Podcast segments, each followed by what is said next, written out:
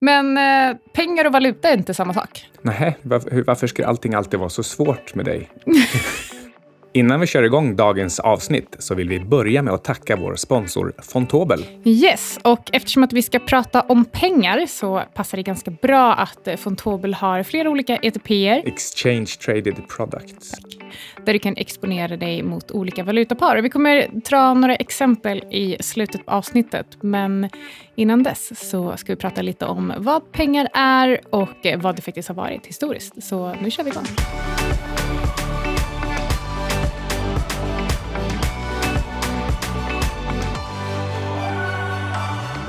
Hej, Anna. Hej Micke! Du lyssnar på Outsiders, eller du gör inte det, du pratar i Outsiders. Men du som lyssnar lyssnar på Outsiders. Exakt, och det gör ju faktiskt vi också. Vad gjorde vi i helgen, du som minns? Jag som minns då, för att jag faktiskt eh, skippade, skippade alkoholen till, eh, till fördel för min träning som jag har återupptäckt och eh, mitt skrivande. Min vän Abby, som jag träffade i New York när jag var där för typ en månad sedan, kom och hälsade på oss i helgen. Så han bodde här. Så vi käkade en never ending brunch. Eh, tog med lite andra vänner till mig och eh, sen så kom du och Abby hem vid typ 5-6 på morgonen på lördagen. Och eh, jag bokade ytterligare en resa som jag faktiskt ska åka på. Och du och jag har eh, väl i princip börjat planera en eh, eventuell liten flytt någonstans. Var då? Ja, det blir väl till New York i sådana fall. Men kanske med brasklappen att eh, vi skulle ju ungefär vid det här laget bo i Frankrike också, så blev det inte heller. Nej, men det var ju faktiskt inte heller heller eh, riktigt vårt fel. Nej, idag ska vi prata om pengar. Det gör vi ju aldrig annars. Nej, eh, och eh, det vi, ska, vi pratade ju förra veckan om att vi skulle snacka om centralbanker, men för att vi ska kunna göra det så känns det som att det är lite bra om vi egentligen reder ut vad pengar är, varför de uppkom och vad skillnaden på pengar och valuta är till exempel, för det är inte riktigt samma sak. Så nästa vecka går vi, kommer vi gå lite mer in på hur länder kontrollerar de här pengarna via till exempel centralbanker. Eh, Så man kan väl säga att idag, Mm. då blir det kärlek och nästa gång blir det hat. Ja, det krävs balans. Kommer du ihåg vad Carola sa? Vet du vem Carola är? Carola Häggkvist, din stora idol. Och det här är inte ens En- ett skämt. En av de första i Sverige som bara körde förnamn.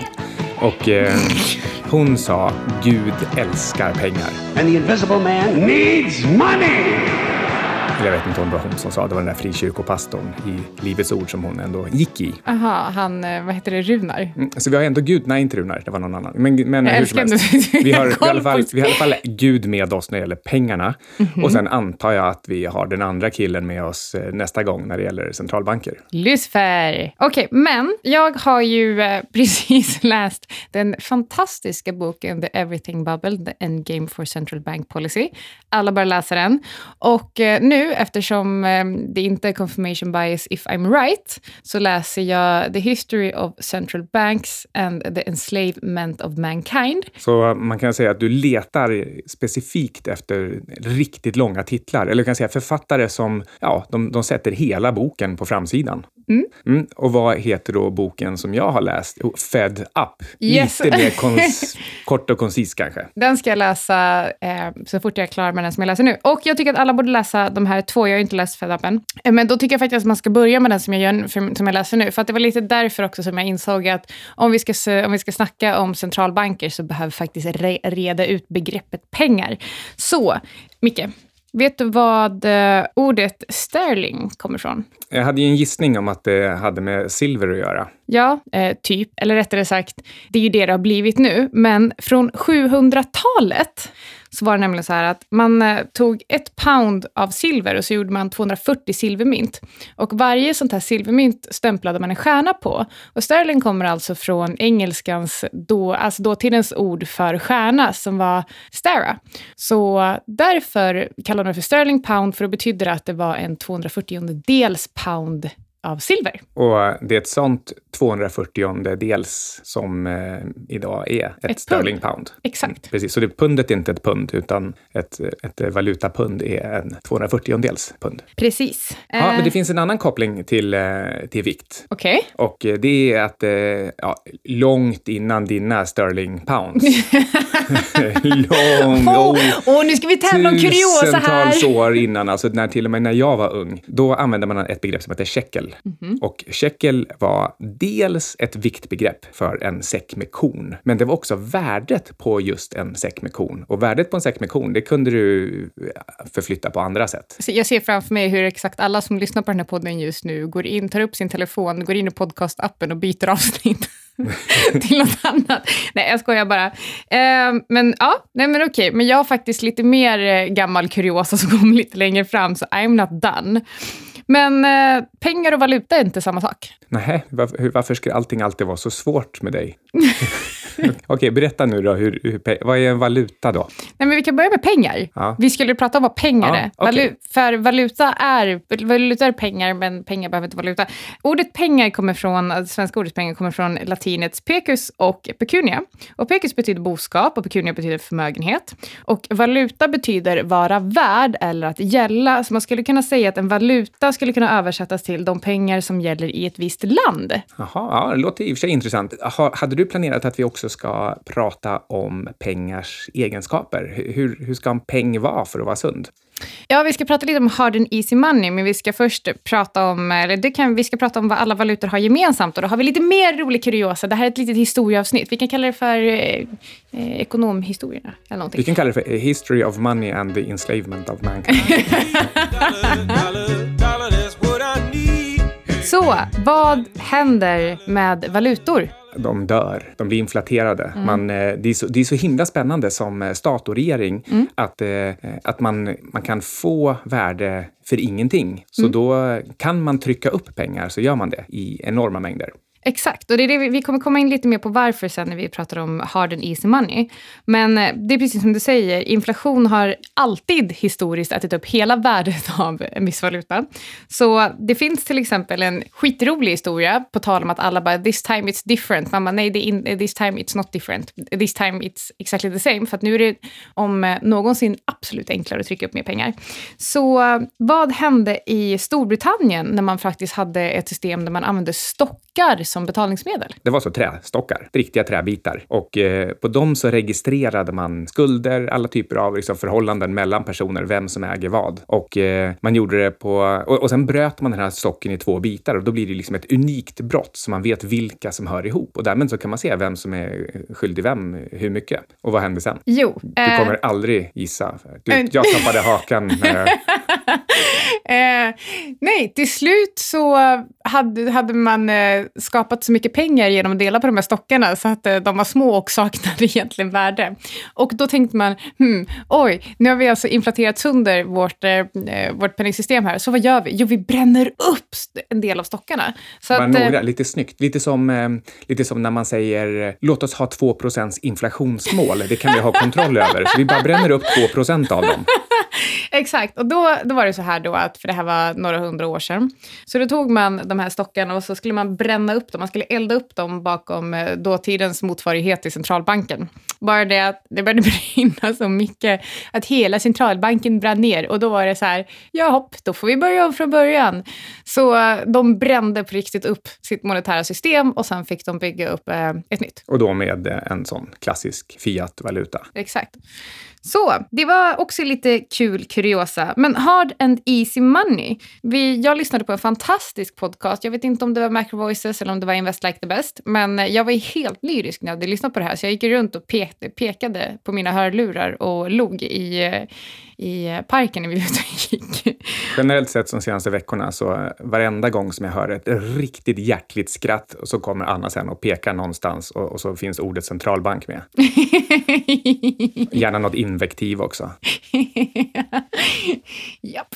Nej, men eh, jo, det är nämligen så här att eh, då var det, jag kommer faktiskt inte ihåg vad han hette, men han skiljer på hard and easy money. Så guld är egentligen hard money och om vi tittar på fiatvalutor som är lätta att eh, trycka mer av så pratar man om easy money. Eh, och då drog han också en koppling till varför guld och inte till exempel koppar. För det är inte så att vi har valt guld för att det är så himla nice and shiny och gult, utan det finns ju lite andra anledningar, eller hur mycket? Ja, sen skulle jag i och för sig gärna vilja komma tillbaka till att, att guld har fantastiska egenskaper som koppar inte har också. Jo, ja. Men, men ja, nej, det är, det är inte därför som vi kanske egentligen har valt det, utan för att... för att det är så här, att det är inte så himla svårt att producera koppar, men däremot så finns det inte så himla mycket guld. Det finns begränsad mängd guld. Och, och då var min poäng egentligen, nej det var det inte, jag hittar på den nu, men den är mm -hmm. fantastisk. Nämligen så att eh, eftersom guld är så svårt att tillverka, det är liksom the most hard thing to make ever, Eh, det krävs supernovor för att göra guld, så det blir liksom inget mer. Och, och, det lilla som finns, det är svårt att plocka upp för att det är så, det är så smått och utspritt. Så det gör att det var liksom the original hard money. Eh, men, men just för att det var så svårt att tillverka så blev det också riktigt bra. Det fick massa bra egenskaper. Det är till exempel eh, väldigt formbart och väldigt delbart. Och, och det, i och med att det finns så lite av det, alltså eftersom det var svårt att tillverka från början så finns det lite och då blir det sällsynt också. Och det är det som gör att det blir svårt svårt för oss också att plocka fram det. Exakt. Och då är det så här att man brukar ju prata om, det finns ju de som kallar bitcoin för det digitala guldet. Och det de menar med, menar med det är väl egentligen att det kommer finnas en begränsad, ett begränsat antal bitcoins, precis som att det finns en begränsad mängd guld. Eh, alltså 21 miljoner bitcoin. Och, eh, och, och nu, nu är ju, alltså bitcoin är ju verkligen Schrödingers eh, pengar. Mm. För det är både extremt hard och extremt lätt. Exakt. Om du tänker på vad, de, vad det kostar per gram eh, man, kanske, man kanske får mäta det på något annat sätt istället. Till exempel, vad kostar det i el att tillverka en bitcoin? Det är faktiskt bara verifikationen som kostar, inte Exakt. att tillverkningen kostar ingenting. Återigen Schrödinger. Ja, men det vi skulle säga då eh, angående varför man valde koppar, eller varför man valde guld, inte koppar, var för att det är lätt att producera koppar. Och sen är det också så här, ju mer, eh, ju mer pengar då som efterfrågas, desto mer, och hade de, om det hade varit koppar, så hade de producerat mer koppar och då hade priserna, då hade till slut eh, tillgången på koppar koppar överstigit efterfrågan och då hade priserna fallit. Men så funkar det liksom inte med guld. Men det är faktiskt så här, på tal om tillbaka till historisk kuriosa här, att eh, i romarriket så hade man faktiskt kopparmynt innan man hade guldmynt. Så man använde faktiskt koppar som pengar innan man använde guld. Men då var koppar, de här kopparmynten var typ den första fiatvalutan tror jag. Alltså det, eller inte, inte den första fiatvalutan, men ja, den okay, första som det... skulle påminna, eller som påminner om dagens fiatvalutor. Ja, så det den här liksom boken är så, här, bra. Någon typ av liksom, eh, kanske fin fin, eh, ja, det var fint den, märke på så att man liksom förstår att det här är den officiella. Ja, för, ja precis. Så... För det var inte värdet i kopparn i sig som man betalade med, utan de här kopparmynten var ett kvitto på vad värdet faktiskt var. Alltså. Och, och nu, det här är ju inte en nyhet för någon, men, men på de ursprungliga dollarsedlarna så stod det ju faktiskt att centralbanken eller staten eh, kunde byta ut själva sedeln mot pengar. Alltså sedeln var ju inte pengar, men du Exakt. kunde komma med den och få tillbaka ditt värde i, i riktiga pengar, det vill säga guld. Det går inte längre längre, för vad gjorde Nixon? Han bröt guldstandarden. Och vad hände med priset då? Jo, det gick från typ 30 till 800. Mm. Whoops! Ingen hade kunnat räkna med det. Men hard money är alltså pengar med någon form av verkligt värde, något riktigt värde. Medan easy money är väl de här fiatvalutorna som är lätt att tillverka. Och det är därför så himla bra för USA, för de statsskulderna i dollar, den kan bara betalas med dollar. Så när de behöver mer pengar att betala sin statsskuld med så trycker de bara mer dollar. Problem solved.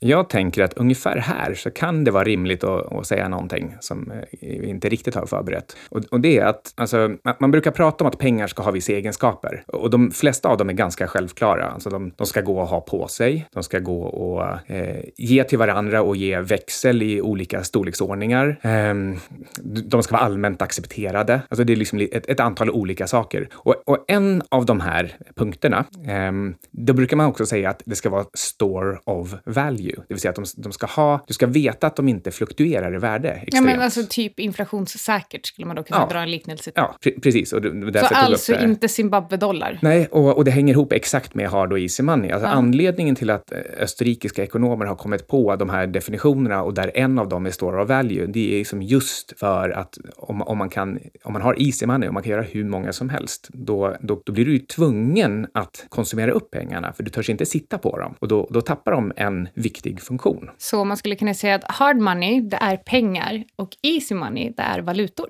Skulle det ja, kunna vara? Ja, men det tycker jag är en, en liksom, på, på, ett sätt. Ja. Mm. Men eh, jag blev ju mycket, mycket upprörd. För att förutom när du hört hjärtligt, hjärtligt skratt och sen så pekar jag på någon eh, sida i mina böcker där det står något om centralbanker och kanske inte något så trevligt, så blev jag ju jätte, jätte upprörd eh, när jag läste om fenomenet eh, carry tax. Så vi ska prata lite war on cash.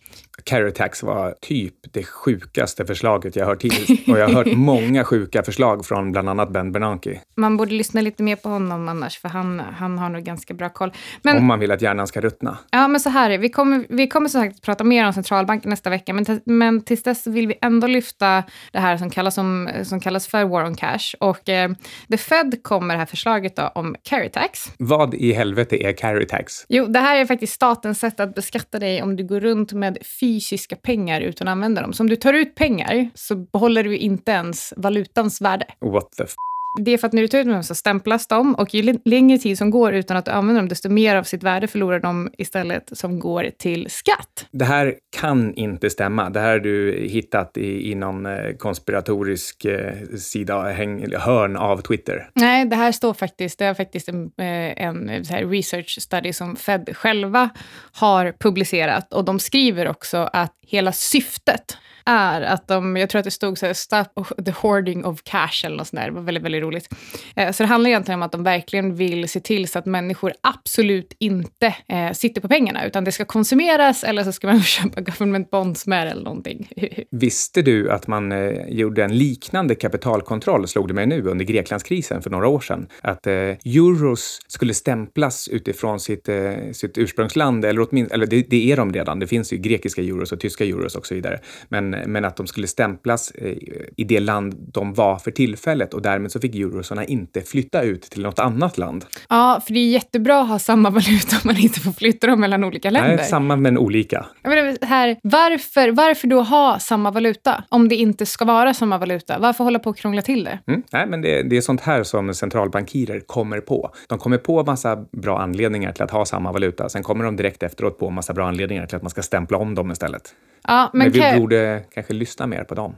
Ja, vi ska, ni ska i alla fall få lyssna mer på oss nästa vecka. Och då, då blir det på riktigt en, eh, en centralbanks-rant. Och då pratar vi alltså inte bara om Riksbanken såklart, utan vi ska prata om fenomenet centralbanker, hur de har uppstått, varför, vad resultatet har blivit, alltså vad syftet var från början och eh, hur det har gått. Och jag kan... ehm, Och hur de skapar det märkliga begreppet bisflation. Bra. Och eh, sen så tänkte jag också att jag skulle plocka fram lite godbitar som Ben Bernanke har sagt. För att det är så himla många då, eller det är några stycken som ber mig lyssna mer på Ben Bernanke. Please stop it. Jag tycker att ni är efterblivna. och nu har du gjort det och nu har hjärnan ruttnat. Men Ja. innan vi går så tänkte jag ändå bara säga vad bisflation är. Ja. Och det är att alla saker som du verkligen behöver, som du måste ha, bostad, mat, kanske transport, lite diverse grejer, det märker du hela tiden hur de stiger i pris. Du kommer inte undan dem. Men alla såna här diskretionära frivilliga inköp som eh, telefoner, datorer, kanske resor, just en lite Det blir kul, billigare. kul, de blir billigare. Så det är bisflationen. Och det, och, och det här är också en effekt av hur centralbanker opererar och hur de mäter inflation och, och, och hur de försöker styra länder utifrån det. Och, och då skapar de den här tudelningen där de kan påstå att det finns inflation eller inte inflation, beroende lite grann på, på vad, de, vad de vill. Men Så det här är precis som när Riksbanken säger att eh, vi når vårt inflationsmål om 2 men det gör vi för att vi inte räknar med bostadspriserna. ja, och återigen då, what the f- Ja, faktiskt. och det där har du inte hittat på. Det står med stolthet i deras egna papper. Alltså, det, det var nästan som att de hade lagt till en liten smiley i efterhand och bara “titta vad duktiga vi är, ge mig en medalj”. Nej, Riksbanken, ni får inte en medalj. Så, men Vi har Fontobel som sponsor. Varför det, Anna? för att eh, Fontobel gör det lätt och effektivt att ta kortsiktiga positioner baserat på sin marknadstro. Just det. Om man till exempel vill handla på Brexit så kan man göra det med Fontobels eh, brittiska pund US dollar mini futures.